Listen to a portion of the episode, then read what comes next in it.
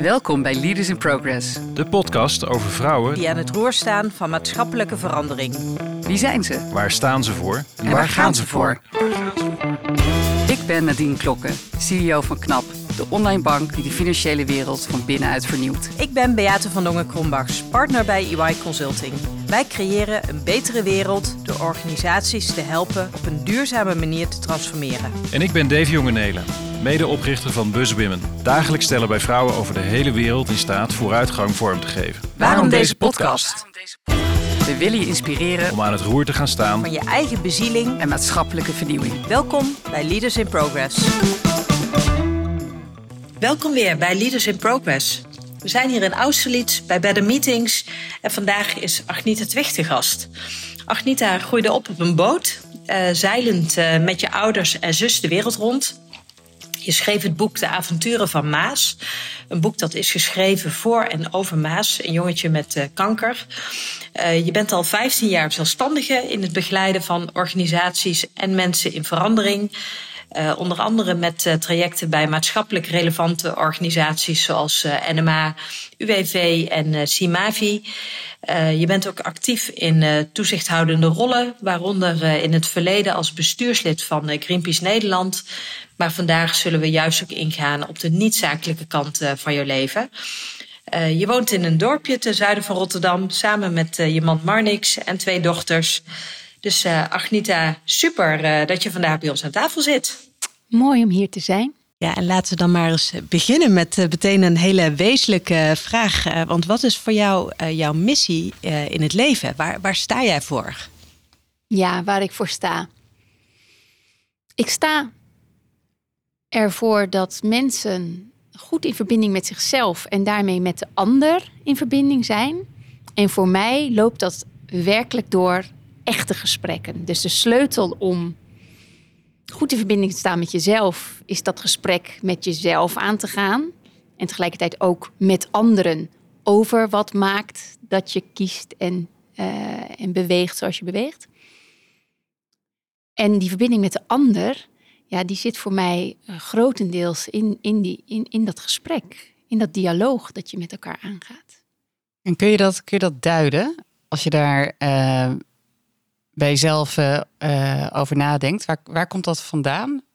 Waarom is dat voor jou zo belangrijk op deze manier? Ik heb, denk ik, redelijk vroeg in mijn jeugd, hè, wonend op een zeilboot met uh, drie anderen, dan ben je heel erg op jezelf aangewezen. En op die drie anderen natuurlijk. En dan begint het dus heel goed jezelf kennen. En ook je grenzen en wat je. Want je neemt jezelf dus echt mee. En er is geen verbinding met de buitenwereld als je drie weken op zee zit. En tegelijkertijd, als je dan aankomt in een haven, en zeker als kind, die absolute levensnoodzaak om te verbinden met anderen, daar ben je dan ook heel erg bewust van. En als je dat repetitief te doen hebt, ja, daar ligt voor mij wel, dat zie ik nu in mijn volwassen leven, dat daar voor mij wel een, een, een, bron ligt van, van wat maakt dat ik het zo belangrijk vind. Want hoe ging dat dan? Kun je daar wat meer over vertellen? Want jullie, uh, misschien überhaupt, hè? Want je, ja. uh, uh, jullie, jullie leefden volgens mij op een zeilboot. Ja, mijn ouders zijn in Nederland, hebben zij elkaar ontmoet op een, op een bruiloft. Mijn vader was toen al zeeman. Uh, dus uh, stuurman. En mijn moeder was onderwijzeres. Heel jong hoor, uh, echt 21 en 23. En mijn vader die deed toen direct het stoere voorstel om met een klein, relatief kleine zeilboot van nog geen acht meter de Atlantische Oceaan over te steken. En dat hebben zij gedaan. En toen zij terugkwamen in Nederland, hadden zij wel het plan om te settelen maar stelde dat telkens uit. En uiteindelijk uh, zijn mijn zusje en ik uh, beide aan boord opgegroeid.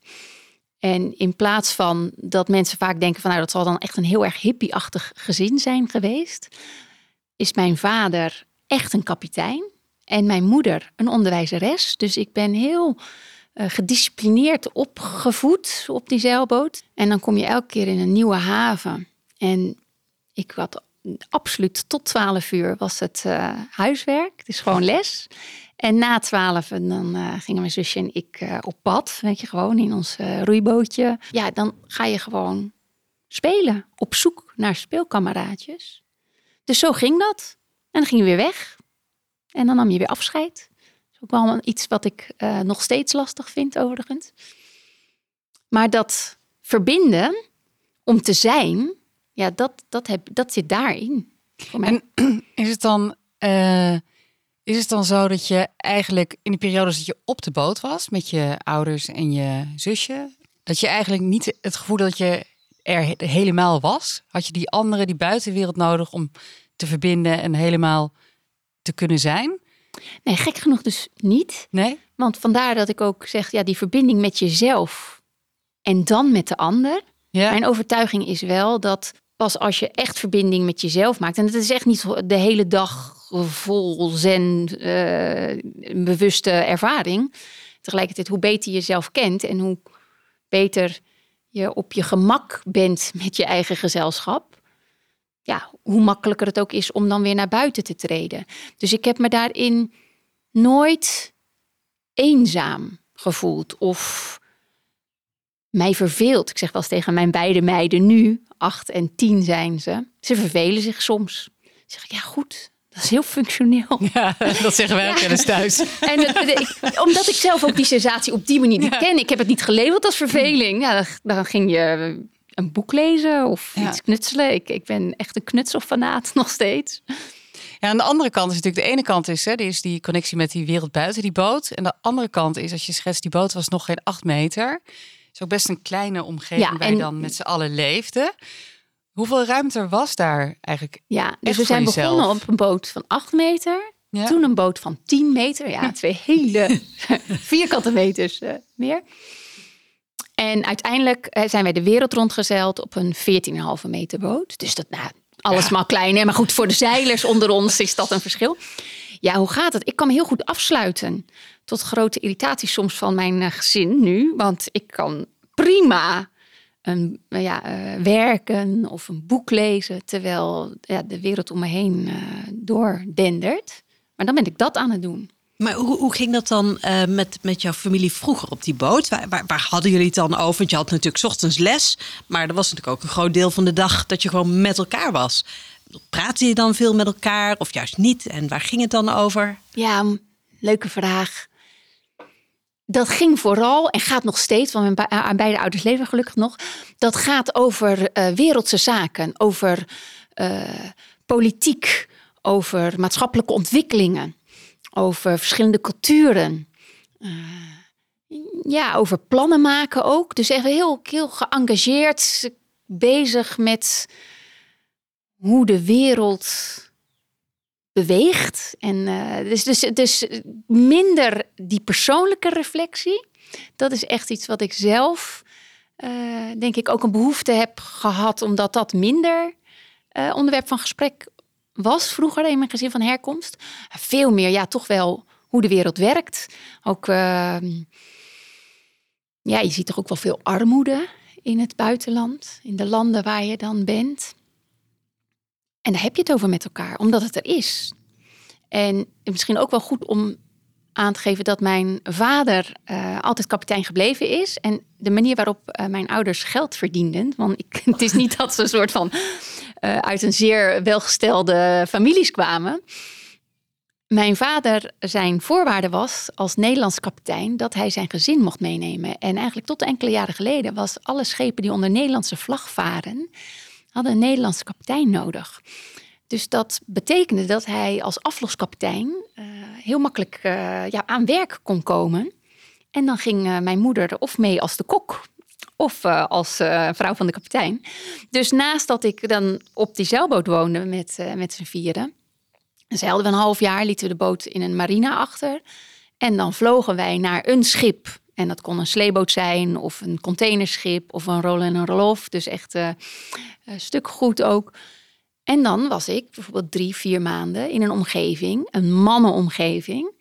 eh, ja, waar ook natuurlijk heel veel dynamiek eh, zonder franje eh, ja, onderdeel was van waar ik dan onderdeel van was. Ja, en daar heb je het ook met elkaar over. Ja, en wat, wat heb je daaruit meegenomen? Wat ik daarvan mee heb gekregen is dat je altijd jezelf meeneemt. Dus welke context ik ook stap, ook als kind. Ik ben natuurlijk in, als je, som in, als je in de haven van Rio de Janeiro komt, ja, dan leg je aan bij de happy few die daar heel veel geld hebben, want die kunnen zich een jachthaven en een jacht permitteren. Ja, dat is natuurlijk een hele andere cultuur, uh, culturele ervaring dan op het moment dat je ook uh, aanmeert bij Bahia, ook Brazilië, waar je aanlegt tussen de vissers.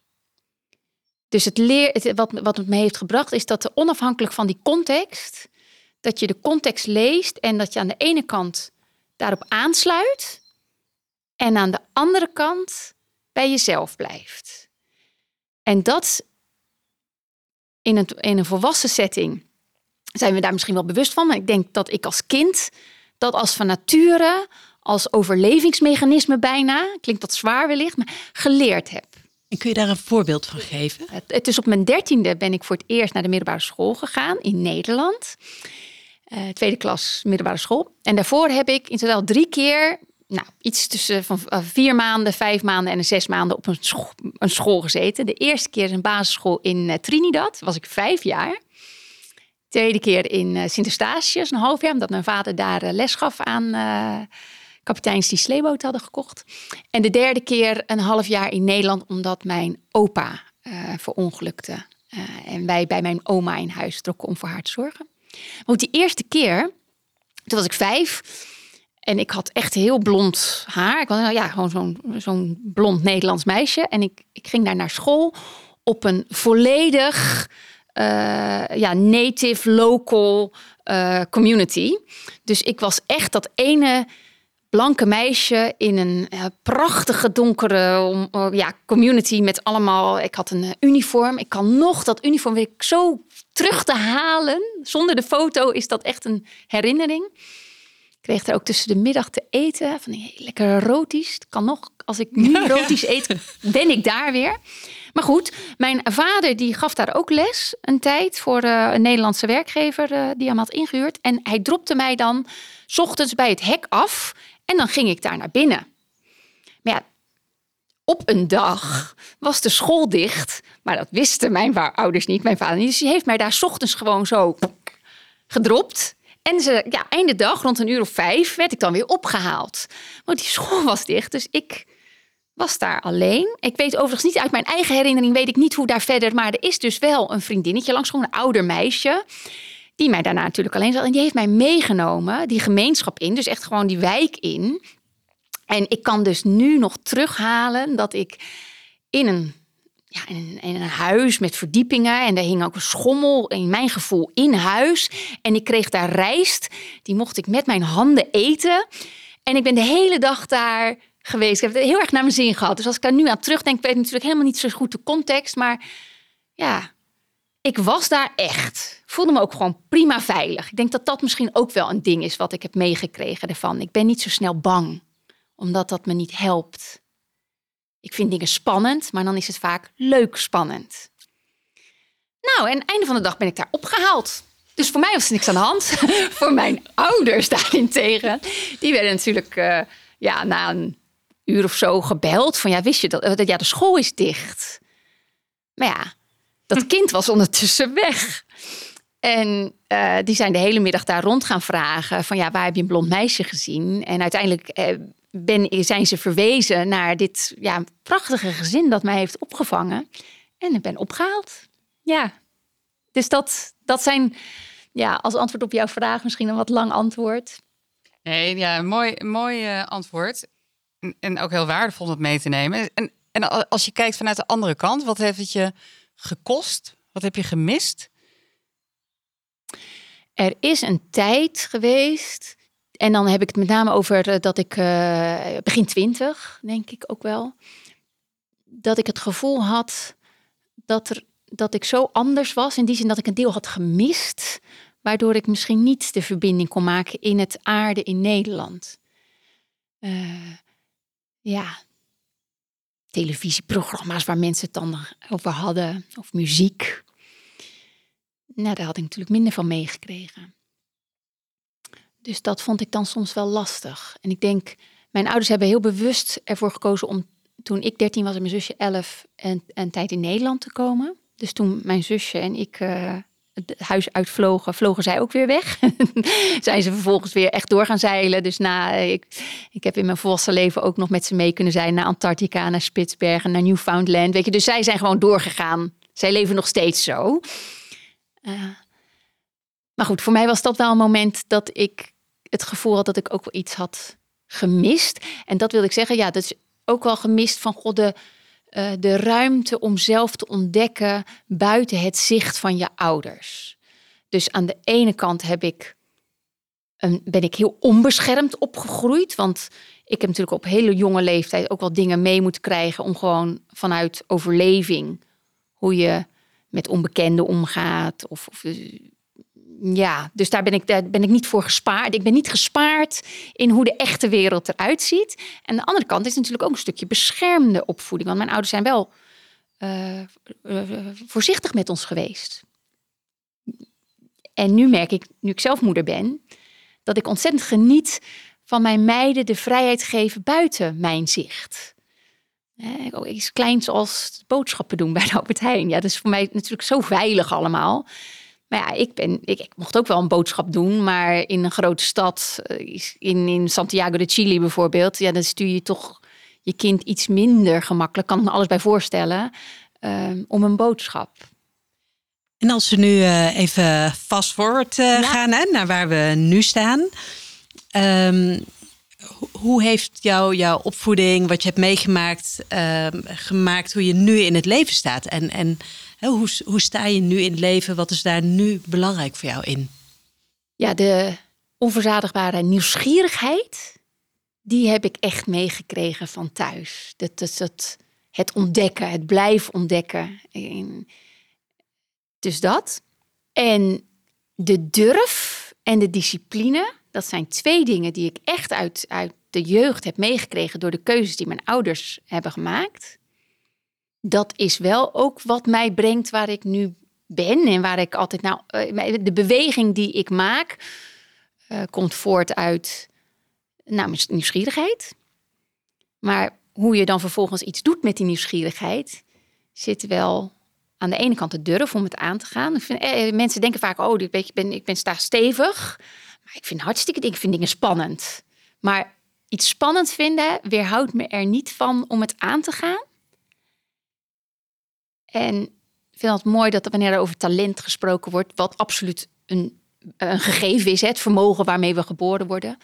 Maar voor mij is wat je daar vervolgens mee doet en de discipline of de, de, de doorzettingsvermogen om daar dat om te zetten in manifestatie.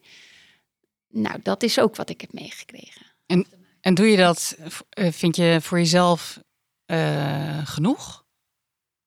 Of volledig? Of is daar nog ruimte? Uh, en eh, ja, en. Uh, ja, ik, doe zo, ik, ik prijs mezelf heel erg gelukkig dat ik het gevoel heb dat ik echt leef naar mijn waarden.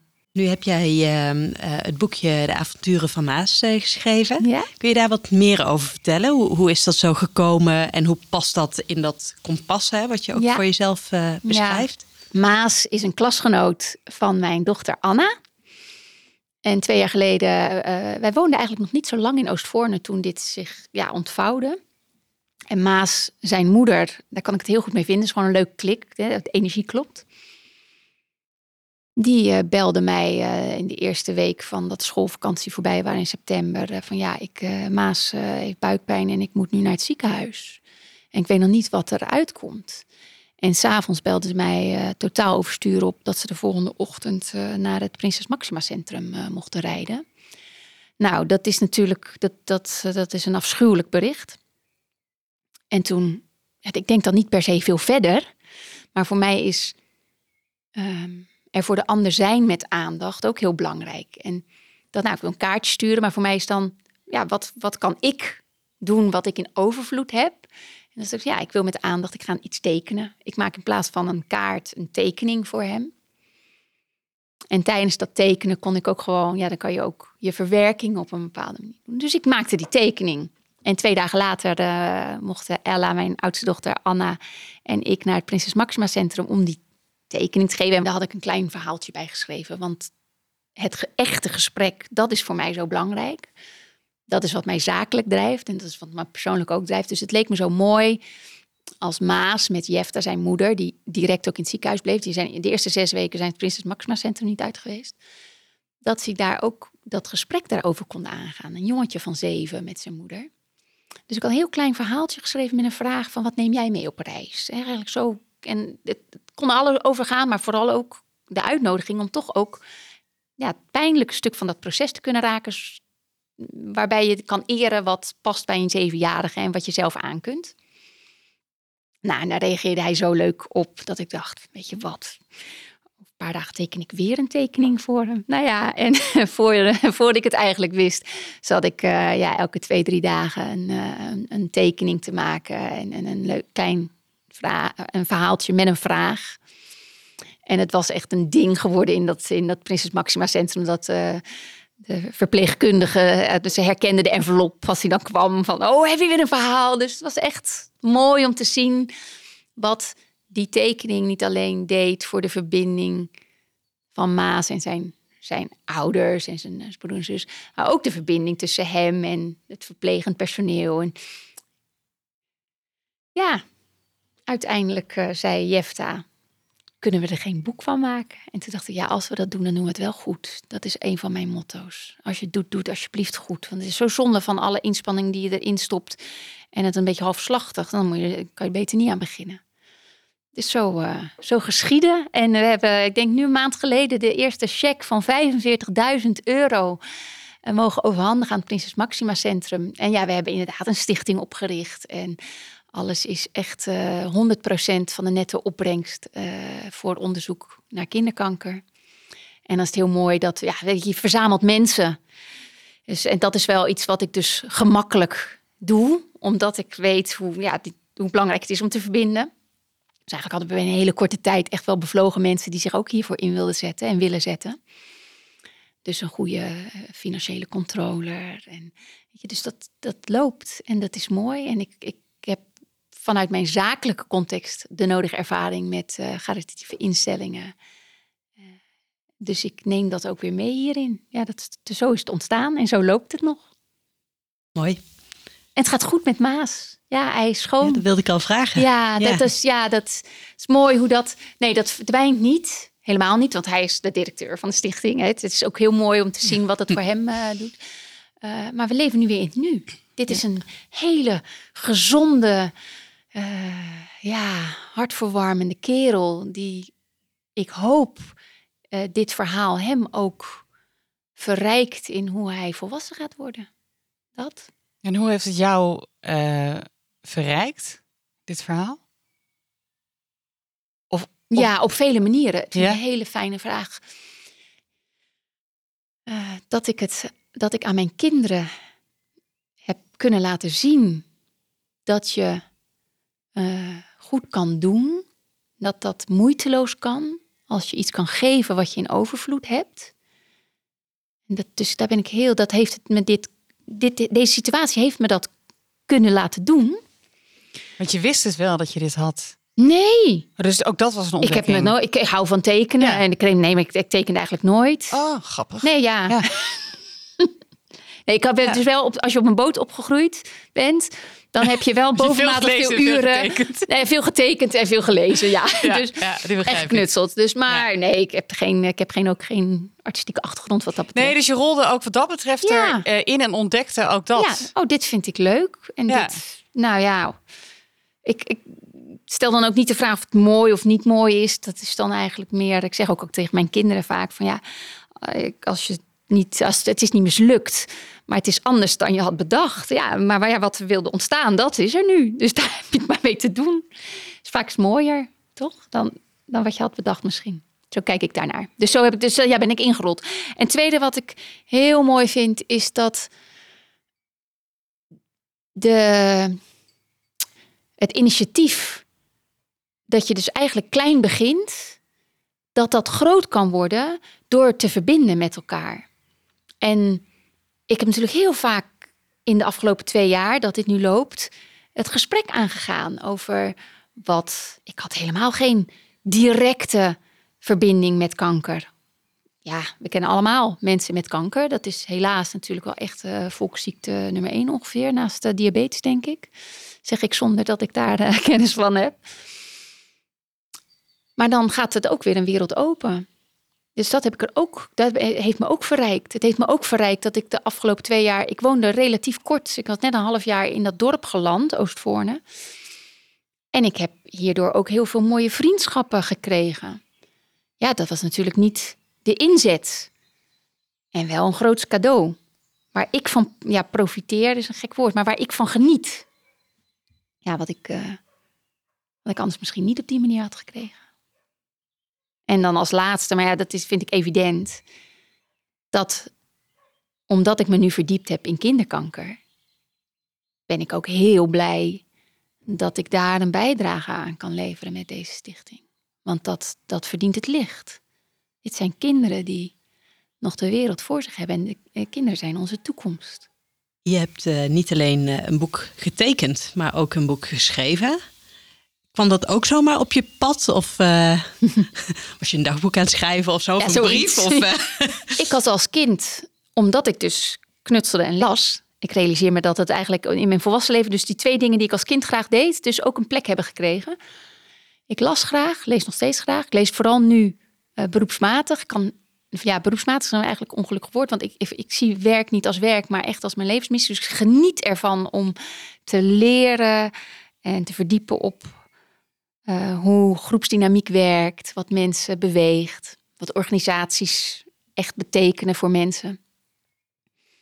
Dus ik, uh, ik, maar las toen ook vooral als kind uh, veel. Ik, ik had op mijn dertiende volgens mij echt alle Agatha Christie's al uitgelezen in het Engels. Ja, dus dat boek zat al heel lang in mijn hoofd als kind. Ik wilde wel een boek schrijven. Maar wat of hoe, dat blijft dan. En toen uh, ik na vijf jaar heel hard werken als organisatieadviseur bedacht dat het toch ook wel iets anders was wat ik wilde doen. En dat is reizen. Uh, ben ik gaan schrijven naar huis.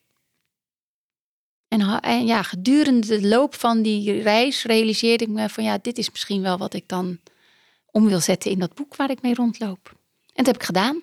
Maar er zit vervolgens ook twee jaar discipline in. Want dat betekent gewoon uh, op je op je 25ste zaterdag heerlijk uitgaan met vrienden in de stad. En maar wel op zondagochtend je wekker zetten om uh, zondag te schrijven. En dan na twee jaar was het klaar.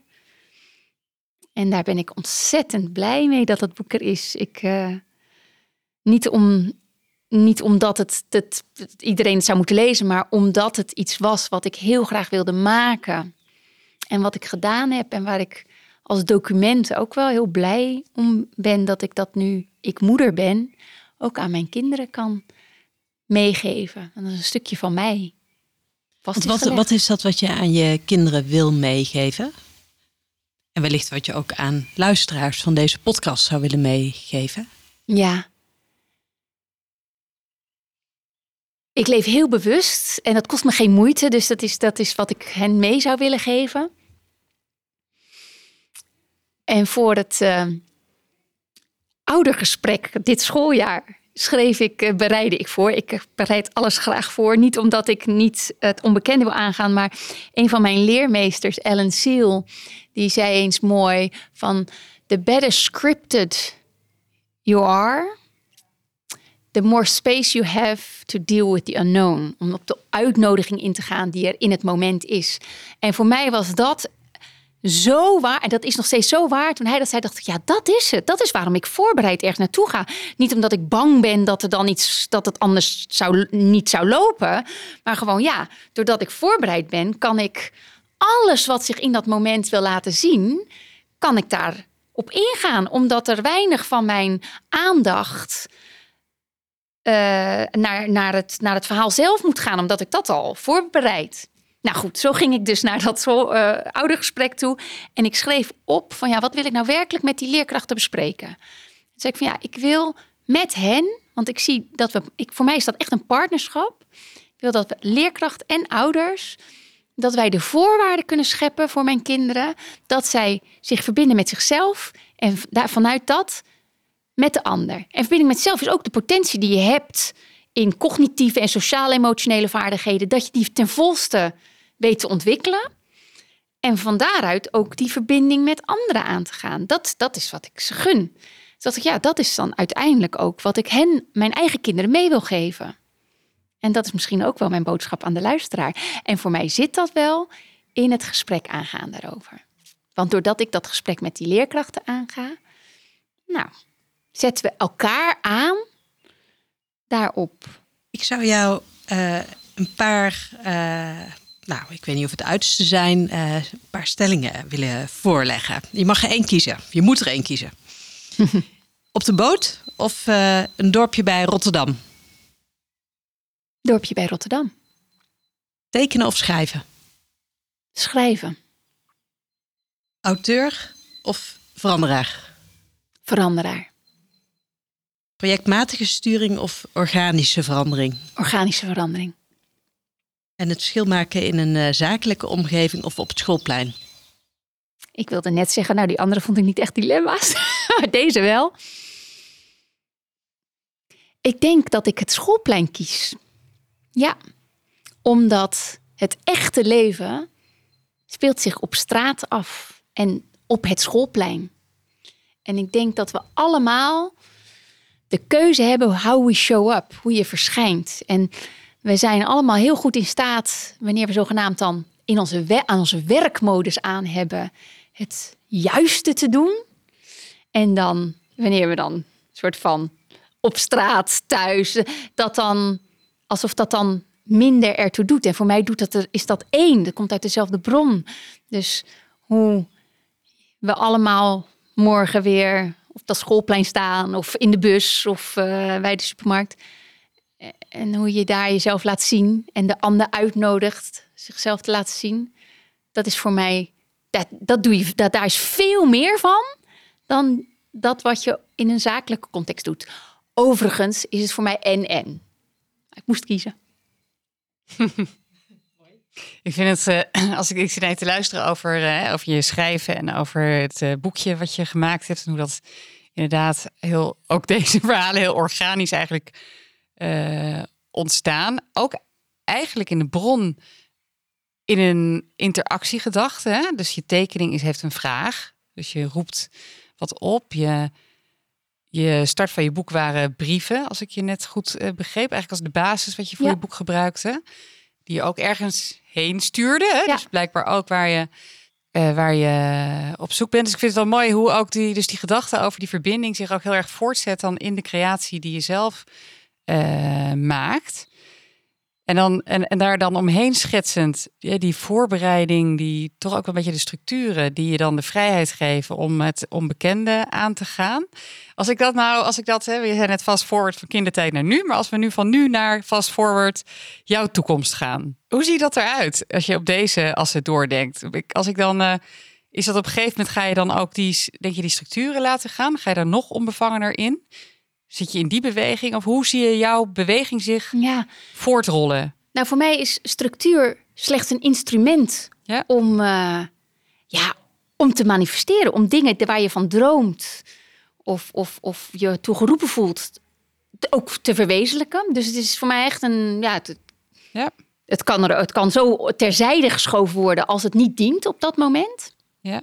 En waar ik mezelf naartoe zie bewegen. Nou, ik sprak toevallig van de week iemand in aanloop naar dit interview vertelde dat ik dit ging doen. Ze ja, wat, waar, waar, waar, waar, ben je gevraagd? Ik zei, nou, dat weet ik eigenlijk niet.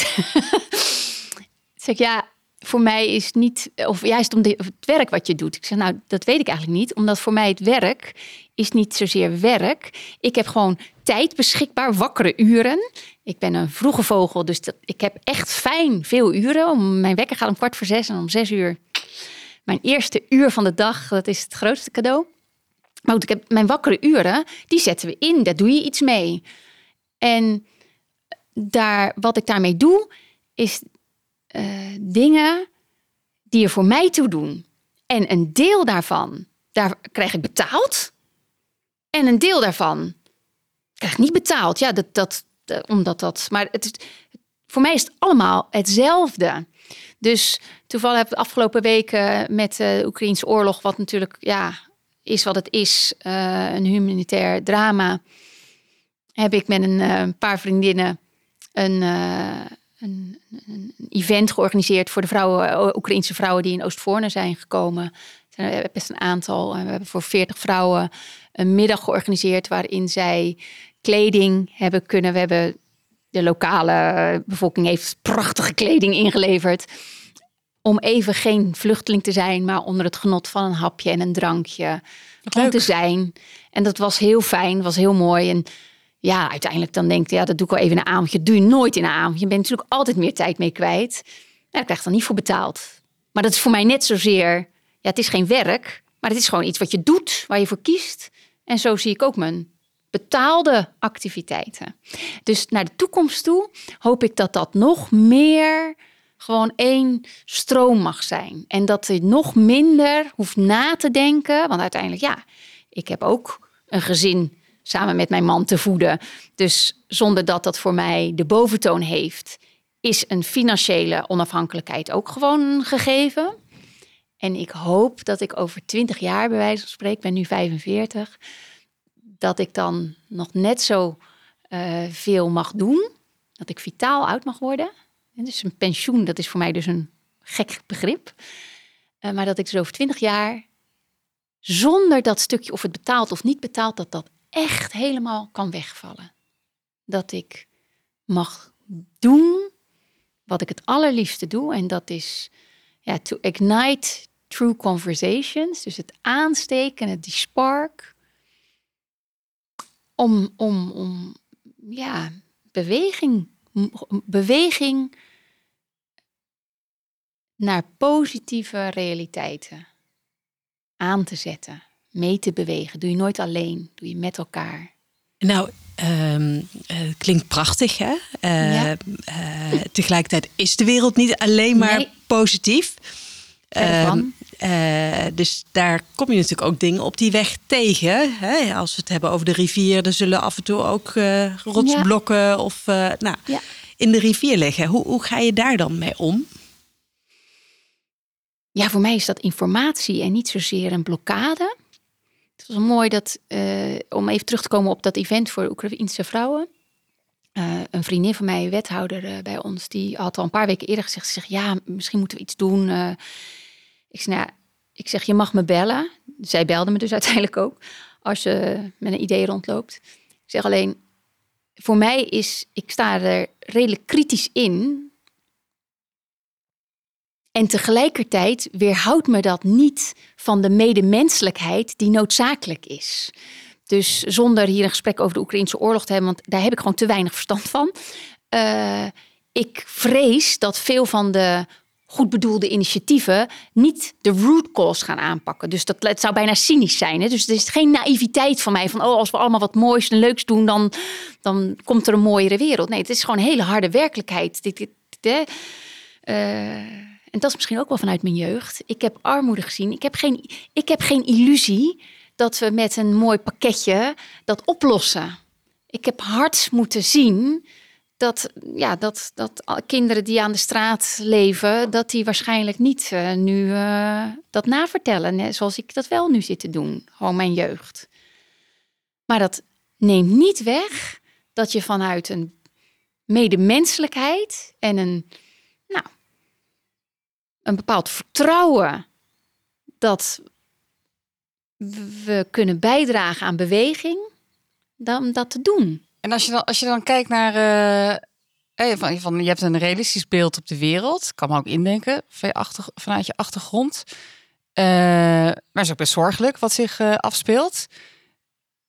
hoe is jouw blik op de toekomst van. om het even heel groot en globalistisch te maken. Ja. Hoe kijk jij naar de toekomst van. van, de wereld. Van de wereld? Ja. Nou, best. Ik, voor de mensheid redelijk somber ik heb denk ik nu vijf jaar geleden werd ik uitgenodigd door een internationale organisatie, The Rules, activistische organisatie, mocht naar Athene vliegen om hen te begeleiden bij hun supernova-strategie. Dus ze hadden nog drie jaar. Dat is echt een, eh, en die houden zich bezig met de postkapitalistische maatschappij. Totdat ik werd gevraagd voor deze opdracht, had ik eigenlijk nog niet op die manier over nagedacht. En ik heb toen vier dagen bij hun managementteam gezeten om dat te begeleiden. En nou ja, ik, ik, ik, ik was daar zo van ontdaan. Van wat, daar zitten wetenschappers over. Dus wetenschappers dragen daaraan bij. Die zitten, dit, is een wetenschappelijk onderbouwd ja, verhaal. Ja, dat ziet er niet goed uit voor in hoe wij leven nu. Uh, tot overmaat van ramp, nou ja, zou ik zeggen niet. Maar reisde ik van Athene terug naar huis en zat ik echt in een, in, in een wachtkamer vol met uh, vluchtelingen uh, die zich moesten identificeren. En in, ik kwam in Schiphol aan en er stond echt de hele marechaussee en echt de helft van de vlucht werd natuurlijk een soort van onderschept, ondervraagd. Ja, het was zo full on in my face. Het gaat niet goed met de wereld. Het gaat ook niet goed. En toevallig met dank aan uh, een goede vriendin van mij, die mij van die uh, herbruikbare eye remover pads gaf. Ik weet niet of het, waarschijnlijk heten die dingen niet zo, maar gewoon watten, watjes die je kan hergebruiken. Nou, dat is voor mij dan een uitnodiging te zeggen van nou, misschien is dit jaar mijn duurzaamheidschallenge om eens te kijken wat zero waste nou werkelijk betekent. Nou, daar ben ik dus denk ik nu drie maanden in onderweg. Eerste inzicht is dat ik echt een late adopter ben. In de zin van dat je denkt, jeetje, dat ik hier nog nooit eerder op die manier over na heb gedacht. Het tweede is dat het ongelooflijk is hoeveel plastic er overal is. Ja, ik kan mijn steentje daaraan bijdragen, maar uiteindelijk is dat niet. Het, is, dat het probleem is veel te groot. Dus terugkomend op jouw vraag, hoe zie ik de toekomst van de wereld? Uh, somber. En tegelijkertijd zeg ik heel vaak, en dat meen ik ook echt, is dat ik er wel vertrouwen in heb dat onze kinderen groeien in deze realiteit op. Dus ik, ik wil er echt op vertrouwen dat zij meer bij machten zijn om op een andere manier naar de problemen te kijken. En daar dus als je het hebt over impact maken, daarom kies ik voor dat schoolplein denk ik ook wel.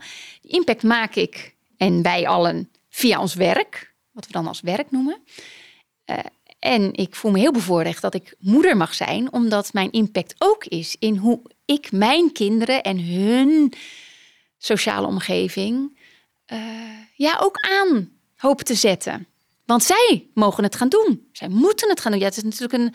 Dat is, geen, dat is niet een gewicht dat je op iemands schouders wil leggen. Maar ik wil erop vertrouwen. Je doet het dat, toch een beetje? Nou ja, nee, het vertrouwen dat zij dat dus beter aan kunnen. Ja. Zij kunnen dat aan. Wij kunnen aan wat wij nu te dragen hebben. Ja.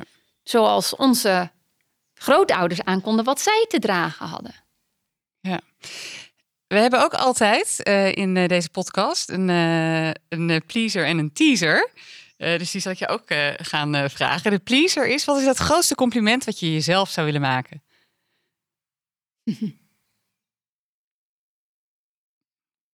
nou, ik denk dat de woorden die ik eerder gebruikte, ik hou van taal, dus dat laat zich dan zien, is dat ik durf en discipline inzet. En dat is keuze. En daar ben ik hartstikke trots op. Want dat heeft niks met talent te maken. Dat heeft gewoon met keuze te maken. Overigens zeg ik dan altijd, doordat ik die keuze kan maken, weet ik dat iedere ander die ook kan maken. Ik ben niet speciaal, we zijn allemaal speciaal. Dus dat, uh, ja, daar ben ik trots op. Mooi. Hey, en uh, uh, als teaser uh, als we net ook even zeg maar, de, de, de grote uitdagingen bespreken, hè, dan, uh, dan hoor je zeggen, ja, iedereen die, die trekt een beetje wat hij wat hij nou ja, in de context kan dragen of wat, wat hij daarbij heeft meegekregen. En tegelijkertijd denk ik ergens, nee man, je kunt nog veel meer impact maken. Wat, wat houd je tegen? Je hebt het over durf, maar ik weet helemaal niet of je durf al helemaal, of je al helemaal vol gaat. Het lijkt nog, nog wat ja. Ik weet niet. Ja, ik weet het ook Klein, niet. of zo. Alsof er nog een beweging zou moeten volgen. Ik weet het echt niet. Ik vind het een hele interessante vraag. Of eigenlijk, uh, ja, hypothese die je neerlegt. En misschien is het ook zo. Alleen, ik voel hem niet zo op dit moment. Ik, ik voel me heel vrij. En vanuit Ehm, de gangbare overtuiging dat we de grootste impact maken op sleutelposities, ben ik het helemaal met je eens. En, en misschien is het toch iets wat mij uh, ja, aan zelfkritiek dit me weerhoudt van de prachtige plekken die jullie op sleutelposities innemen. Want jullie beiden, ja, vind ik prachtig en krachtig dat je zo een sleutelpositie in organisaties weet in te nemen en daar vanuit die plek impact kan maken. Ja, hoger op je berg staat, hoe hoger je, je rijkwijde, bij wijze van spreken. En tegelijkertijd kijk ik systemisch en is mijn impact op de plekken waar ik beweeg, zit misschien niet alleen in de context waarin ik beweeg, maar ook in how I show up daar. En, en, en dan is de ripple effect misschien wat een, uh, iets langer. Zijn die golven, hè, uh, jouw golf is misschien uh, heel zichtbaar en geprononceerd. En nogmaals, ik ben heel blij dat er mensen op sleutelposities zitten die dat bereid zijn dat te doen. En mijn golf is wellicht die, ja, ik heb dus iets wat veel golven gezien in mijn leven. Van die hele, als het net een zacht briesje is, en dan kan je, zeker als je wacht loopt, dan kan ik soms zo'n golf volgen. En dan kijk ik, zie ik hem nog? Zie ik hem nog? Zie ik Zo'n rimpel. Zo'n rimpel. En dan kan je uiteindelijk, ja, ik zie hem al lang niet meer. Maar hij is er wel, die beweging. Die, die, die gaat niet weg. Dus ja, zo. Ja, en of dat dat is omdat ik mezelf nog niet ten volste potentie heb aangezet, dat weet ik niet. ik ben benieuwd. Ik, ben gewoon benieuwd als ik je over uh, tien jaar spreek, ja. hoe zich dat heeft uh, gezet. Uh, als ik zo naar, jou, naar je luister, dan, dan voelt het nog een beetje, of nog, dat, dat, weet ik eigenlijk niet, ben ik benieuwd naar, kabbelend. Kun je dat duiden? Ja, dat kan ik duiden. En ik begrijp ook de vraag, in die zin waar die vandaan komt, dat, ja, dat ik keuzes maak die niet per se vol aangaan. En dat komt doordat ik in een eerdere fase van mijn leven, toen ik begon, net begon met werk als 22, toen heb ik ook alles gegeven. En na anderhalf jaar kwam ik erachter dat uh, ik te veel van mezelf aan het geven was. Dus echt ook fysieke uh, uitputting aan de orde kwam. Omdat ik tot veel te laat s'nachts doorging met nou, puzzels. Hè? Zo zie ik dan wat we doen met elkaar om dingen te begrijpen. En toen heb ik wel in die zin uh, heel spannend uh, voor mij kordaat gehandeld. Ik heb toen een eh, psychotherapeut gezocht en zegt van dit, dit is natuurlijk niet de bedoeling. Help mij hiermee. En ik heb heel veel geleerd van hem en van die gesprekken, van die echte gesprekken. En die gingen heel erg over ja, je energie inzetten en daar, hoe je dat, hoe je je energie verdeelt. En hij tekende toen een plaatje wat me echt is bijgebleven. Een echt heel eenvoudig plaatje wat we waarschijnlijk allemaal kennen. Dus op de ene as uh, kwaliteit en op de andere as tijd. En nou, hoe meer tijd je erin stopt, hoe hoger de kwaliteit. Alleen er is een, er is een optimaal punt. En dan kan je meer tijd erin stoppen, maar gaat de kwaliteit niet per se significant verbeteren. Sterker nog, als je heel lang doorgaat en dus vermoeid of fysieke uitputting aan de orde komt, dan wordt de kwaliteit misschien zelfs iets minder. En voor mij is dat wel het moment geweest, dus relatief jong in mijn betaalde werkende leven. Op mijn 24, 25 achtergekomen van ja, die batterij die kan ik of in één keer leeg trekken, want ik ken nog niet zo goed die stopknop. Maar dan, ja, dan is die leeg. Ik kan hem ook uh, heel bewust inzetten en weten wanneer ik hem op te laden heb, of in ieder geval niet helemaal leeg trekken. En dat kan wellicht een kabbelend gevoel oproepen soms. En tegelijkertijd is het mijn manier om te kunnen blijven geven. Dus geven wat ik in overvloed heb. En ik denk dat dat misschien wel iets is wat we allemaal ook te leren hebben. En dat uh, betekent dat ik natuurlijk heel erg benieuwd ben dat wanneer er weer wat meer ruimte op een andere manier in mijn leven komt, omdat mijn kinderen ouder worden, omdat er nou, andere kansen op mijn pad komen, dat ik uh, weer nieuwe keuzes maak. En tegelijkertijd uh, hoop ik en vertrouw ik erop, nu ik 45 ben, dat die balans, hè, dat doseren van mijn energie, waardoor ik kan blijven geven, dat, dat, dat ik dat wel vast weet te houden. Ja, nou, volgens mij heb je, heb je, ben je hartstikke mooie dingen aan het doen hoor. Maar het is, uh, ik ben benieuwd. Ik ben benieuwd. Ik proef er iets in en uh, we shall see. Ja. We shall see. En ik denk dat ook de combinatie met uh, Eh, met, met natuurlijk de kinderen en met eh, hoe je naar hen kijkt. Ook, ook het perspectief van de toekomst. Ehm, denk dat je daar dat je dat dat een heel heel ver heel hele verre view is. Het kan ook best zijn hoor, want ik, kijk, ik ben nu moeder van een dochter van net acht en net tien. En hoe zelfstandig ze ook zijn, vooral de jongste, vindt het toch wel heel fijn als ik nog twee keer naar boven kom s'avonds om nog een extra kleur Ja. te geven. Ja. En die wil ik kunnen geven. Ja, het is ook rijkdom. Weet je, dat is dat, eh, omdat ik overtuiging heb dat ze daarmee stabiele wereldburgers kunnen worden. Ja. En dus wanneer zij uitvliegen, stap ik, eh, ga, ga ik de energie die ik heb misschien ook wel weer op een andere manier inzetten. Ben je altijd ondernemer geweest? Nou, ik ben, eh, eh, ik ben altijd ondernemend geweest. Ja. Dus ik. ehm, maar ik ben op mijn eh 22e gaan werken bij eh, destijds eh, een van de grote vijf uh, organisatieadviesbureaus, Arthur Anderson, Business Consulting. Volgende maand een reunie. Hele echte eh, zakelijke gemeenschap is dat overigens. Die is ten onder gegaan, namelijk op het hoogtepunt door de Enron-affaire. Als je bij de consultingtak in Nederland zit, heb je Ja, natuurlijk weinig van, nog, ja. weinig van te doen. Tegelijkertijd was dat wel ja, heel bijzonder en bizar om mee te maken. Dus ik heb van mijn 22e tot mijn 30ste in loondienst gewerkt. Ja. En op mijn 30ste heb ik me ingeschreven bij de Kamer van Koophandel. Ja. Leuk. Leuk. Sindsdien gewoon zelfstandig onderneemster. Ja. Uh, we komen richting afronding. Dus um, heb jij nog een laatste vraag? Of jij nog een.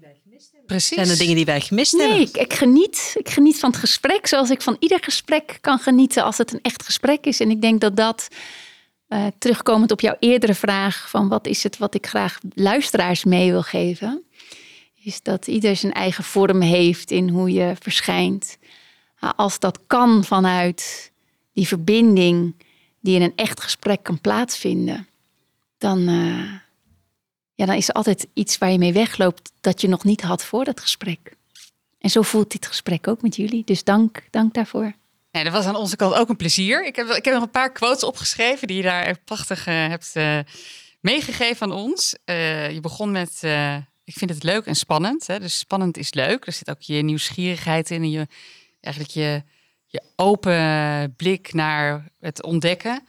En ik vind het heel boeiend hoe je dat hebt ingericht op een manier dat je ook voorbereiding gebruikt om eigenlijk zo goed mogelijk in dat onbekende te kunnen stappen. Op een manier dat het voor jou functioneel werkt. Um, met daarbij als thema, je neemt jezelf altijd mee. Als kind vanuit een overlevingsmechanisme misschien. Intussen eigenlijk als een enorme kwaliteit. Wat je ook meegeeft aan je kinderen en aan de mensen om je heen. Altijd in verbinding, een echt gesprek. Waarbij je uitgaat eigenlijk van vertrouwen en veiligheid. Dus dat ook schept, maar ook zo de omgeving als startpunt uh, beschouwd. Um, je had het over onverzadigbare nieuwsgierigheid, durf en discipline.